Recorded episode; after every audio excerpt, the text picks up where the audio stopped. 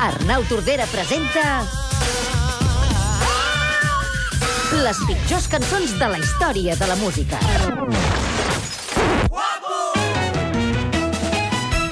Guapo, m'ho diuen quan passejo. Arnau Tordera, què tal? Bon dia, com estàs? Bon dia, fantàsticament. Encantat de tenir-te un cap de setmana més al suplement d'estiu. L'Arnau Tordera, com bé sabeu, cada cap de setmana ens acompanya per descobrir-nos algunes de les que ell considera que són les pitjors cançons de la història de la música. I Això ja- sona molt gran, eh? Ja, has- ja està alguna discrepància en aquest país nostre, eh? perquè hi ha gent que discrepa amb el criteri de l'Arnau, tot i que aquí el respectem i el venerem. Home, és que és una persona llegida, l'Arnau, eh? I tant. Home, en efecte, cultivada en tots els sentits possibles. Avui la llista musical que ens prepares de què va, Arnau? Bé, doncs avui he fet una recerca sobre una temàtica prou profitosa en el que és la creació de cançons nefastes de la història de la música. Ah. És ni més ni menys que el conegudíssim gènere de la cançó de l'estiu. Cançó de l'estiu, eh? És veritat, cada any en surten unes quantes.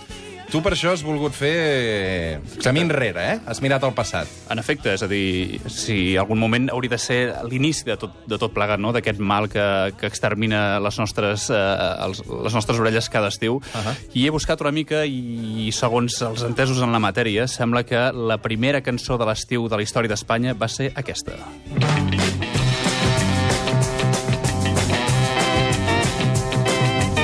Home, jo encara no havia nascut, t'ho asseguro, eh? Una motocicleta que me sirva para correr y quiero una camiseta que tenga el número 10. Això és Los Bravos. Exactament, ni més ni menys que aquest mític grup Los Bravos, amb cantant de pronúncia peculiar. De Ahà. fet, no, no era autòcton, però de tota Era manera... alemany, no? Això, diu, això diuen les males llengües, sí. Uh. -huh. Sí, en efecte.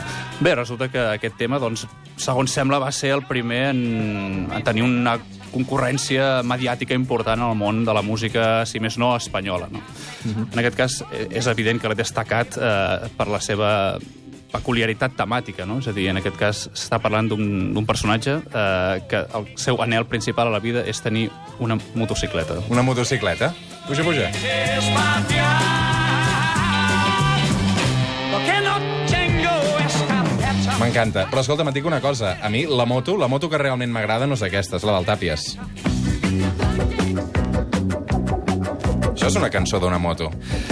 Sí, en efecte, no. En Tàpia és eh, un bon amic. Eh, El que passa que ara no, no el voldria incloure aquí involuntàriament a la Ah, nostra secció. exacte. Eh, Hi ha una Fora, qüestió fora, de respecte, també. Més cançons de l'estiu, Tordera. Sí, eh, un dels altres elements principals en aquest gènere peculiar és el rei de la cançó de l'estiu, un personatge conegut per tothom, George Dan, però segurament estem davant d'una de les seves peces més lamentables, El dinosaurio. Yo va donde voy, siempre con él. Jo m'intriga bastant, Arnau, d'on treus això, perquè, vaja, el mateix Dan segur que ha fet feina important per amagar aquest repertori de la seva, de la seva discografia. Bé, sorprenentment, aquest personatge, eh, bàsicament, eh, es- pel que he llegit, o sigui, és un tio que es va cultivar en l'art de la música, va fins i tot va estudiar al Conservatori de París, per tant, sembla paradoxal que hagi acabat eh, doncs, projectant-se en aquest tipus d'estètiques. Encara No? corre, eh, Georgi Dan? Una col·laboració amb els Obeses, per exemple, no la veus? Bé, ara per ara és una cosa que veig impossible, però, de tota manera, si transformés una mica la seva estètica, la seva manera de concebre l'art musical, podríem arribar-ne a parlar. Però, en tot cas, segur que la, la vessant vocal aniria a càrrec meu. A veure, pugem una mica. Home, és que això enganxa, això ja es veu, això, això eh, se't posa aquí. Home, hi ha un vers que a mi m'ha captivat. Diu, és un tontorrón, el dinosaure, eh? Ahà. però tiene bon corazón.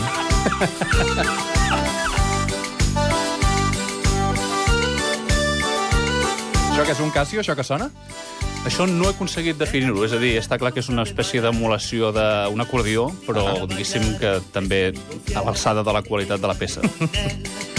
Doncs vinga, va, amb uh, Georgi Dan eh, passem a una altra història perquè està clar que no volem que els oients se'n vagin canviant d'emissora. Exactament. De fet, eh, el que us ofereixo a continuació no és gaire prometedor. Eh, diguéssim que ens, en, des del meu punt de vista anem més avall, fins i tot en termes qualitatius. És una peça eh, pròpia creada, creada als Estats Units que després es va versionar a França i finalment, com sempre passa, la pitjor versió va ser la d'aquí, eh, Juanita Banana. En un pueblecito muy tranquilo. Ah, hi ha introducció i tot, eh? Frontera No, no, és que peça ho tenia Vivía tot la per ser un bonita. Juanita, hija de un cultivador de bananas.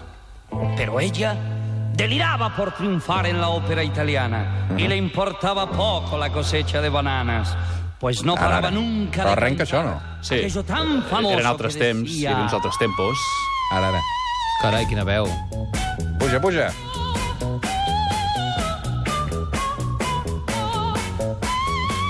Tordera, aquests aguts tu no els tens, eh?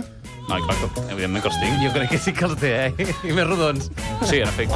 No, o sigui, el sorprenent d'aquesta peça és que a priori ho tenia tot per triomfar, és a dir, era una peça amb una història dramàtica potent, eh, amb certa profunditat, tenia una referència a la música acadèmica en aquest cant, de fet és una versió de, de Verdi, eh? fins i tot o sigui, estaríem pròpiament en un àmbit acadèmic eh, de primer nivell, i, una altra cosa essencial per a una bona cançó, que és un nom prou cridaner com Juanita Banana, però malauradament desconec el motiu pel qual aquest conjunt d'elements exitosos doncs, va acabar esdevenint en un pastitxe nefast com ha acabat sent Juanita Banana. Al suplement d'estiu hi sona Juanita Banana. Juanita Banana, Juanita Banana. Som al suplement d'estiu recuperant eh, hits, les pitjors cançons de la història amb Arnau Tordera, i ara aquí a la llista veig eh, una cançó que ja m'ensumo que serà polèmica. Per què, Tordera? Bé, home, estem davant d'una cançó que és un mite, una cançó coneguda, eh, diguéssim, de les més conegudes de la història de la discografia espanyola, però que en una escolta doncs, dels nostres temps ens denota una obra molt deficient en tots els sentits possibles. Hombres G, devuélveme a mi chica. Ella se fue con un niño pijo. Tiene un Ford Fiesta blanco y un jersey amarillo.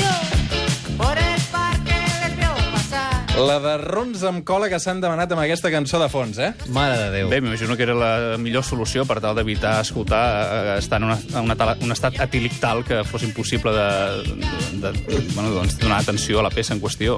Tordera, per què aquesta cançó es mereix estar a la teva llista de les pitjors cançons de la història de l'estiu? Bé, en primer lloc, eh, per aquest timbre de la veu, és a dir, no puc entendre com un, bueno, una peça que es pretén com a, a enaltiment de la, del baró eh, espanyol, doncs està projectada a través d'aquesta veu tan estrictament femenina gairebé, no? En, el, en tots els sentits possibles. Però això no és tot. És a dir, una mala cançó es gesta des de tots els seus arguments, i en aquest cas estem davant possiblement d'una de les pitjors lletres de la història, no de la música de l'estiu, sinó segurament mundial. És a dir, Estoy llorando en mi habitación. Todo se nubló a mi alrededor. Ella se fue con un niño pijo. Tiene un Ford Fiesta blanco i un jersey amarillo. Fins aquí, és, és, és absolutament deficient, però això no és res. Uh. -huh. Després hi ha un vers que a mi, o sigui, francament, m'ha captivat. Diu, por el parque la veo pasar. Cuando se besan lo paso fatal. I aquí, atenció, diu, voy a vengarme de ese marica. Voy a llenar el cuello de polvos pica pica. Clar, és a dir, tota franquesa, és a dir, quina mena d'argument és aquest? I la rima, és a dir, marica amb pica pica... Eh, Aquí, aquí sí que potser... Uh, Quina paraula va ser la primera? És a dir, eh, a mi m'encorregeix moltíssim això, pensar a la... Perquè allò costa, tens, tens el vers i dius, ara, ara el busco la rima, no? I aquí dius, en quin moment caus en posar pica-pica?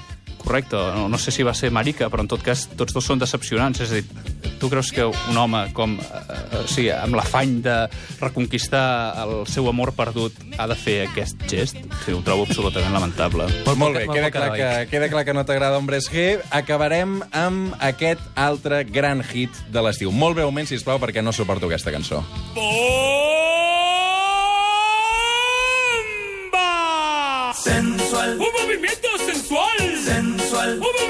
Els has tingut mai de taloners en un concert d'obeses aquí en Àfrica? No, no he tingut aquesta sort ara per ara, però, però bé, diguéssim que seria una possibilitat eh, gens descartable. Mm -hmm. Home, aquí la veu sí que és característica. Ho és, sens dubte, en efecte. És a dir, de fet, estem parlant d'un gran cantant. Aquest tio, pel que tinc entès, doncs, té una notable carrera en el cant de soul i, i Cantant de similars. Uh, exactament, sí. Uh -huh. uh, però bé, malauradament, doncs, va perpetrar aquesta bomba uh, que tots hem hagut de, de, Suportar patir, durant anys, sí. de patir en pròpia pell uh, en diverses festes majors, etc etc. Arnau. No, per desgràcia de tots nosaltres. Un plaer tenir-te al suplement. Demà diumenge, més pitjors cançons de la història. Que vagi bé, adeu. Adéu. Acaba, acaba, acábalo. Acaba, acaba, acaba, acaba, acábalo. Y acaba, acaba, acaba, acaba, acábalo.